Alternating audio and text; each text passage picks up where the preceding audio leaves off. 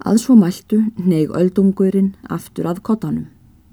En steingrimur tók nú til orða og mælti. Það er hérna komin unglingsmaður, fadir minn, austan frá hofi á Breiðdalsveit, frá síra Þorgrimi. Ég er komin með hann hérna upp til þín, ef þú vildir tala við hann að gamni þínu. Það er svo, mælti öldungurinn þurrlega. Hver getur það verið, nú á ferðum hásláttin? Ég held ég hafi ekki mikla ánægju að finna orðið að það tala við gesti. Síðan bætti hann við. Er maðurinn þarna?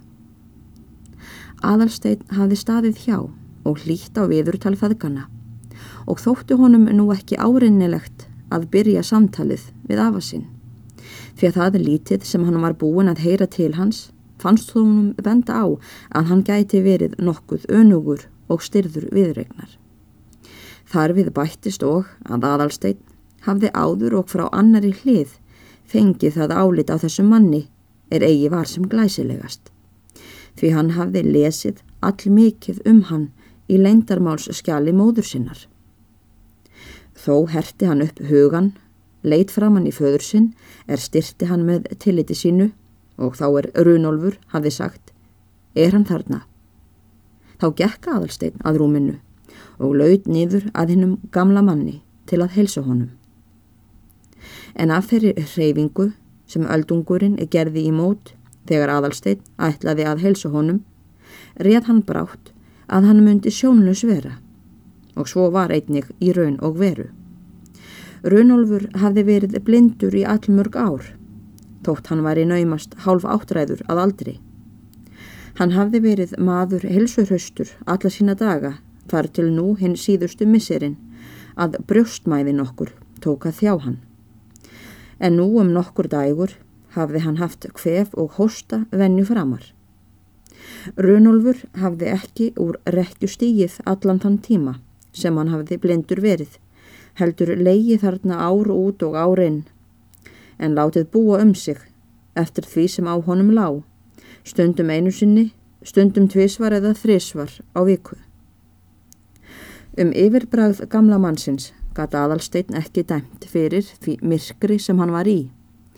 Einungis gata hann séð hinn bera skalla þegar Runolfur laud fram á rekkjustokkin til að skirpa frá sér og var skallin girtur ljósgráum híjungi umhverfis er þjættastur var í vöngunum. Hvað heitir maðurinn? Var hinn fyrsta spurning Runolfs þegar aðalsteinn hafði heilsað honum. Aðalsteinn heiti ég, svaraði hann og tók sér sæti á litlum baglösum stól er steingrimur hafði dreyið fram úr hinnu myrka skoti fyrir framann fótakablin á rúmi Runolfs og sett að rúmstokki föður síns.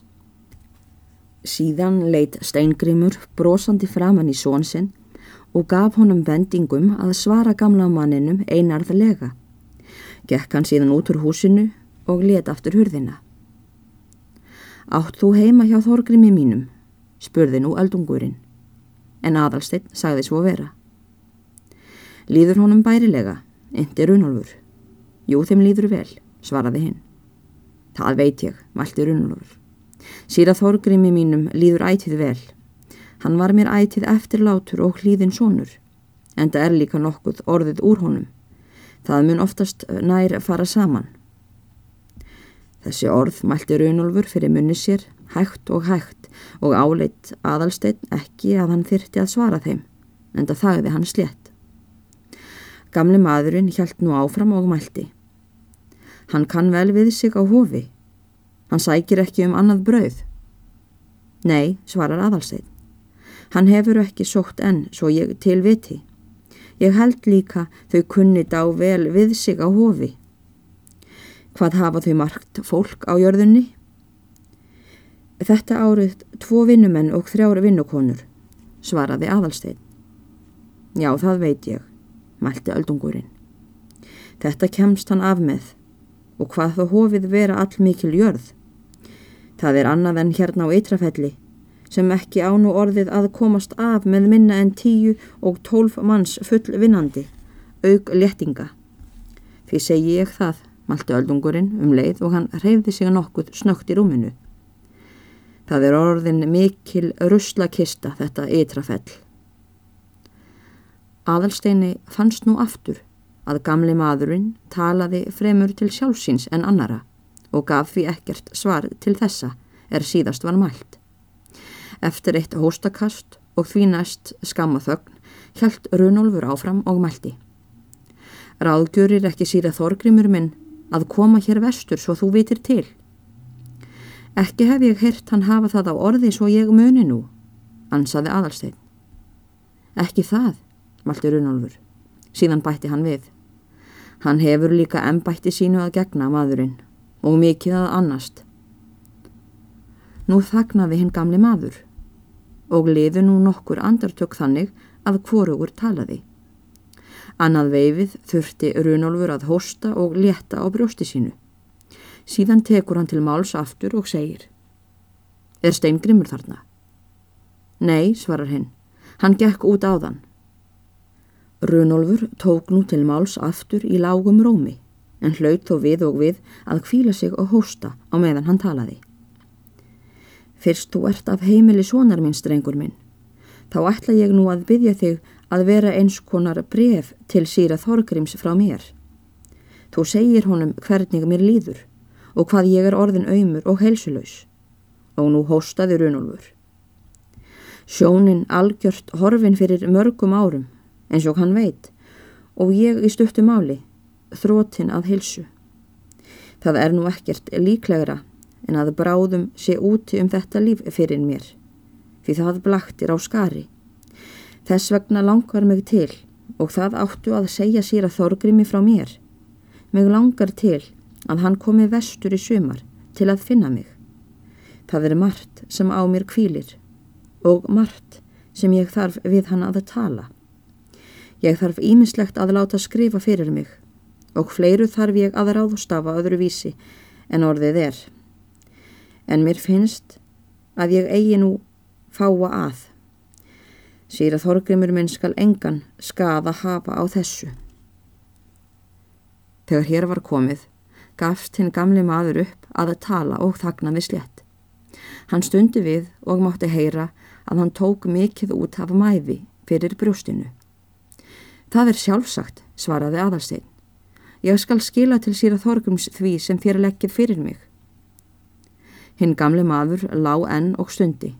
Lóksins tók hann aftur til orða. Já, mælti hann.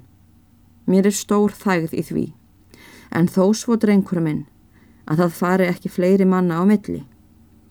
Það var rétt komið að því fyrir mér að ég leti Sigriði skrifa nokkrar línur til síra Þorgrims og hef ég verið að hugsa um það nú um tíma.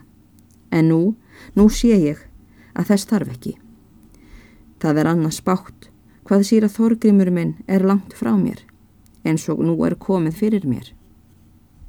Allt þetta talaði hinn gamli maður svo hljótt að ekkert orð gatt herst framfyrir hústyrnar og fekk hann svæsið hóstakast sem varaði við um þó nokkur andartök.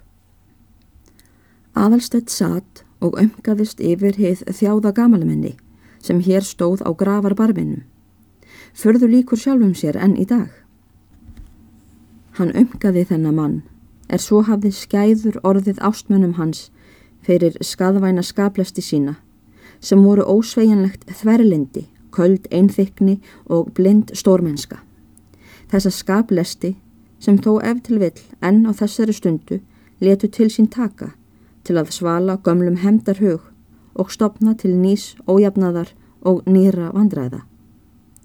Aðalstein ömkaði sált þennan afasinn. Er hann svo fegin hefði óskað að mega nefna því nafni? Er hann svo fegin hefði vafið að sér með tárin í augunum hefði ekki óheppilegustu atvik á milli borið, atvik sem reistu hartnær ókleifan skilvegg milli hjartna, sem náttúran þó hafi skapað til að unnast og ebla hvort annars sönnu heill. Hvílikt módlæti, hvílik ónáttúra. Aðalstein hugliti þetta og þótti honum það ósegjanlega bátt.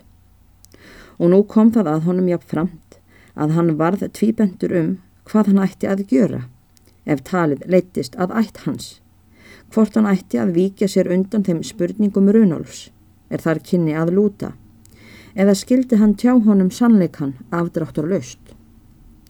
Honum þótti sitt mæla með kvoru, svo þungt haldin sem Runolfur síndist nú vera, bæði á geðsmunum og á líkama sínum, þá myndi afdrátturlaus frásogn aðalsteins um ættirni sitt að líkindum verða þungur ábætir fyrir Runolf og ekki bæta skap hans eða mikja hug hans til steingrims.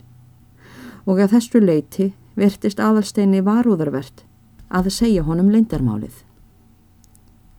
En aftur gerði sannleiks ást aðalsteins sína kröfu hins vegar og fyrirbauð honum að halla nokkru orði frá sannleikanum, heldur skýra einarðarlega frá öllu, ef með þyrti, hvað sem á eftir færi og svo varð niðurstaðan í hug hans að hann skildi ekkert segja Runolfi óspurt.